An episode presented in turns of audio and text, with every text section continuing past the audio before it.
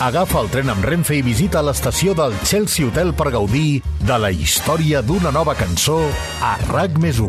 Amb Olga Suanya, el podcast on les cançons lliguen amb la història.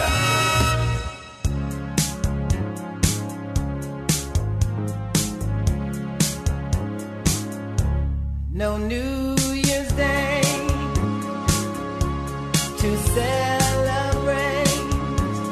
L'estiu de 1984 s'estrenava als cinemes Woman in Red, una pel·lícula dirigida i protagonitzada per Gene Wilder i que va ser un autèntic èxit de taquilla. La imatge de Kelly LeBrook, vestida de vermell, emulant Marilyn Monroe a la famosa escena on passa per una sortida d'aire que li aixeca el vestit, és una de les imatges més icòniques d'aquesta comèdia. Però a nivell musical, tothom recorda la pel·lícula pel seu tema principal, I Just Called to Say I Love You, un tema compost i interpretat per Stevie Wonder i que en l'edició dels Oscars d'aquell any es van dur el guardó a la millor cançó. És una peça on l'autor expressa de forma molt planera l'amor profund que sent algú per una altra persona i que simplement la truca per telèfon per dir-li que l'estima. Una balada que aparentment pot semblar molt senzilla, però que està lligada a una història força més profunda. Avui, al Chelsea Hotel, us l'expliquem tot recordant la figura de Stevie Wonder. I just to say I love you. Stephen Hardaway Morris, que és el seu nom real, va néixer al maig de 1950 en una ciutat del nord de Michigan. Ho va fer sis setmanes abans del previst, així que el van haver de posar un temps a la incubadora on l'excés d'oxigen va impedir que se li desenvolupessin correctament les retines i el va deixar sec.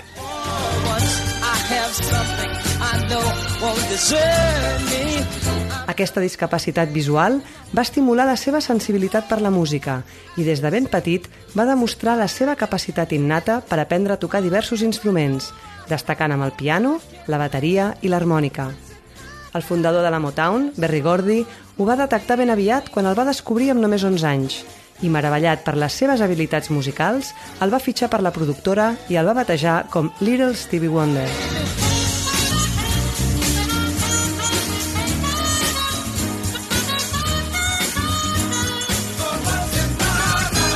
A partir d'aquell moment, no va parar d'encadenar èxits i reconeixements, i el nom de Stevie Wonder, l'adjectiu referent al seu debut precoç el va perdre a finals dels 60, ràpidament es va convertir en un dels noms més rellevants del mític segell discogràfic, al costat d'artistes com Marvin Gaye, The Supremes, Diana Ross o The Jackson 5.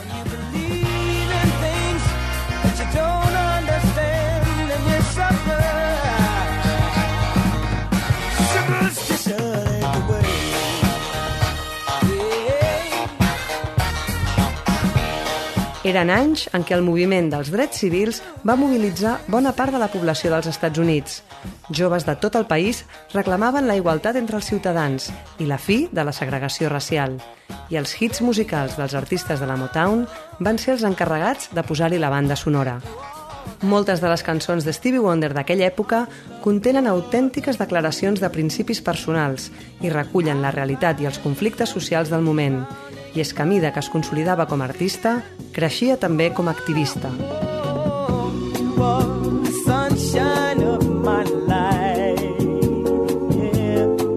Compromès amb les injustícies del món i especialment amb les que s'infligien contra la comunitat afroamericana, el músic va liderar diverses iniciatives reivindicatives. Va ser l'impulsor de la proposta per convertir el naixement de Martin Luther King en dia festiu als Estats Units i també va ser un dels fundadors del projecte USA for Africa que el 1985 van registrar el senzill We Are the World per recaptar fons per lluitar contra la fam que es patia a la banya d'Àfrica.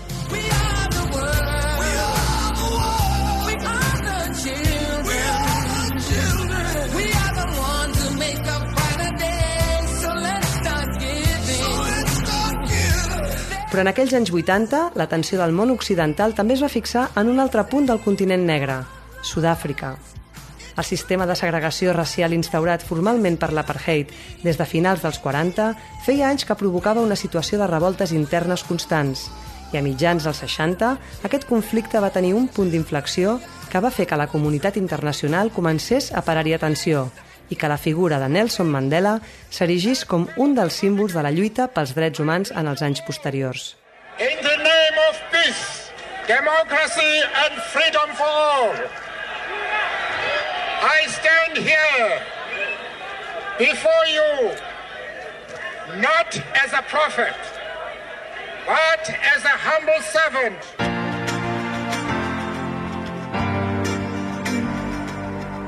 Després d'un any llarg de judici, el 12 de juny de 1964, Nelson Mandela i nou líders més del Congrés Nacional Africà van ser declarats culpables de més de 200 actes de sabotatge dirigits a enderrocar l'apartheid.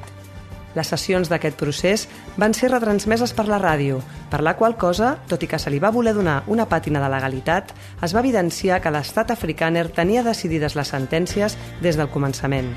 La pressió internacional va aconseguir almenys que en comptes de penes de mort, el fiscal demanés la perpètua per a gairebé tots els acusats.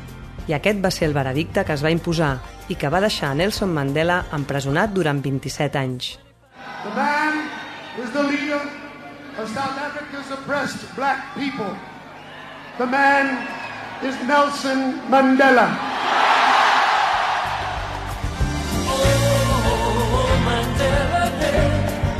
Durant més de dues dècades, el cas de Mandela va ser objecte de diverses campanyes internacionals que clamaven pel seu alliberament. La majoria d'aquestes iniciatives van vehicular-se a través de la música, amb cançons que es van dedicar a la seva persona i concerts organitzats per reclamar la seva llibertat.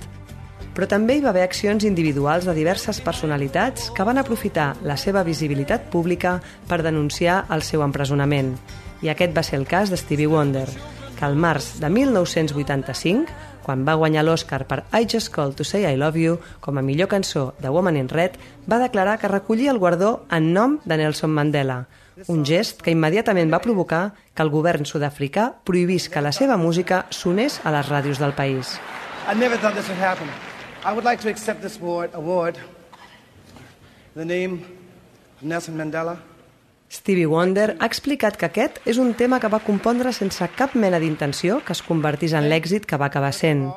Tenia la melodia d'alguns exercicis musicals previs i en va escriure els versos finals inspirant-se en l'encàrrec que Gene Wilder li va fer per la pel·lícula.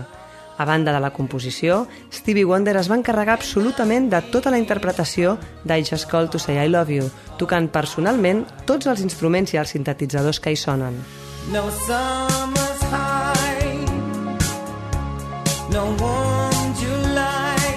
Al febrer de 1990, cinc anys després d'aquella intervenció de Stevie Wonder al Dorothy Chandler Pavilion de Los Angeles, Nelson Mandela era alliberat.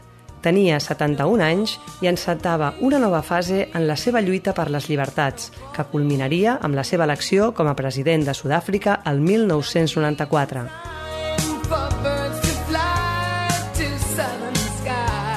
L'admiració de Stevie Wonder per Madiba i tot el que va representar va mantenir-se ferma al llarg del temps i el juliol de 2016, tres anys després de la mort de Mandela, el músic va honorar-lo a les Nacions Unides referint-se a ell com un dels éssers humans més increïbles, generosos i bondadosos que ha trepitjat el planeta Terra.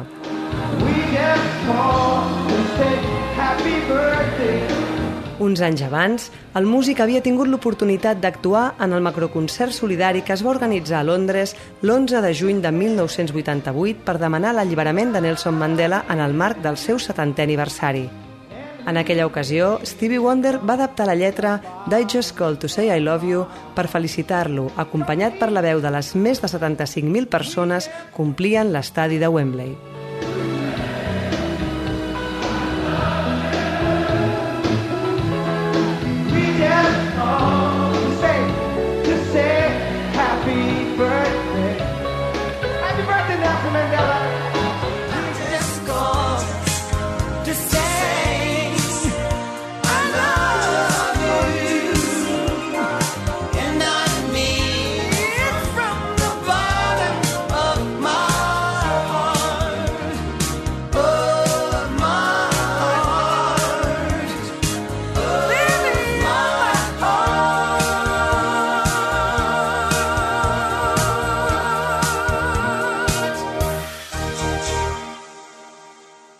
El tren de Renfe, amb parada a Chelsea Hotel, reprendrà el seu viatge i tornarà dissabte que ve amb noves cançons a RAC més 1. Amb Olga Suanya, el podcast on les cançons lliguen amb la història.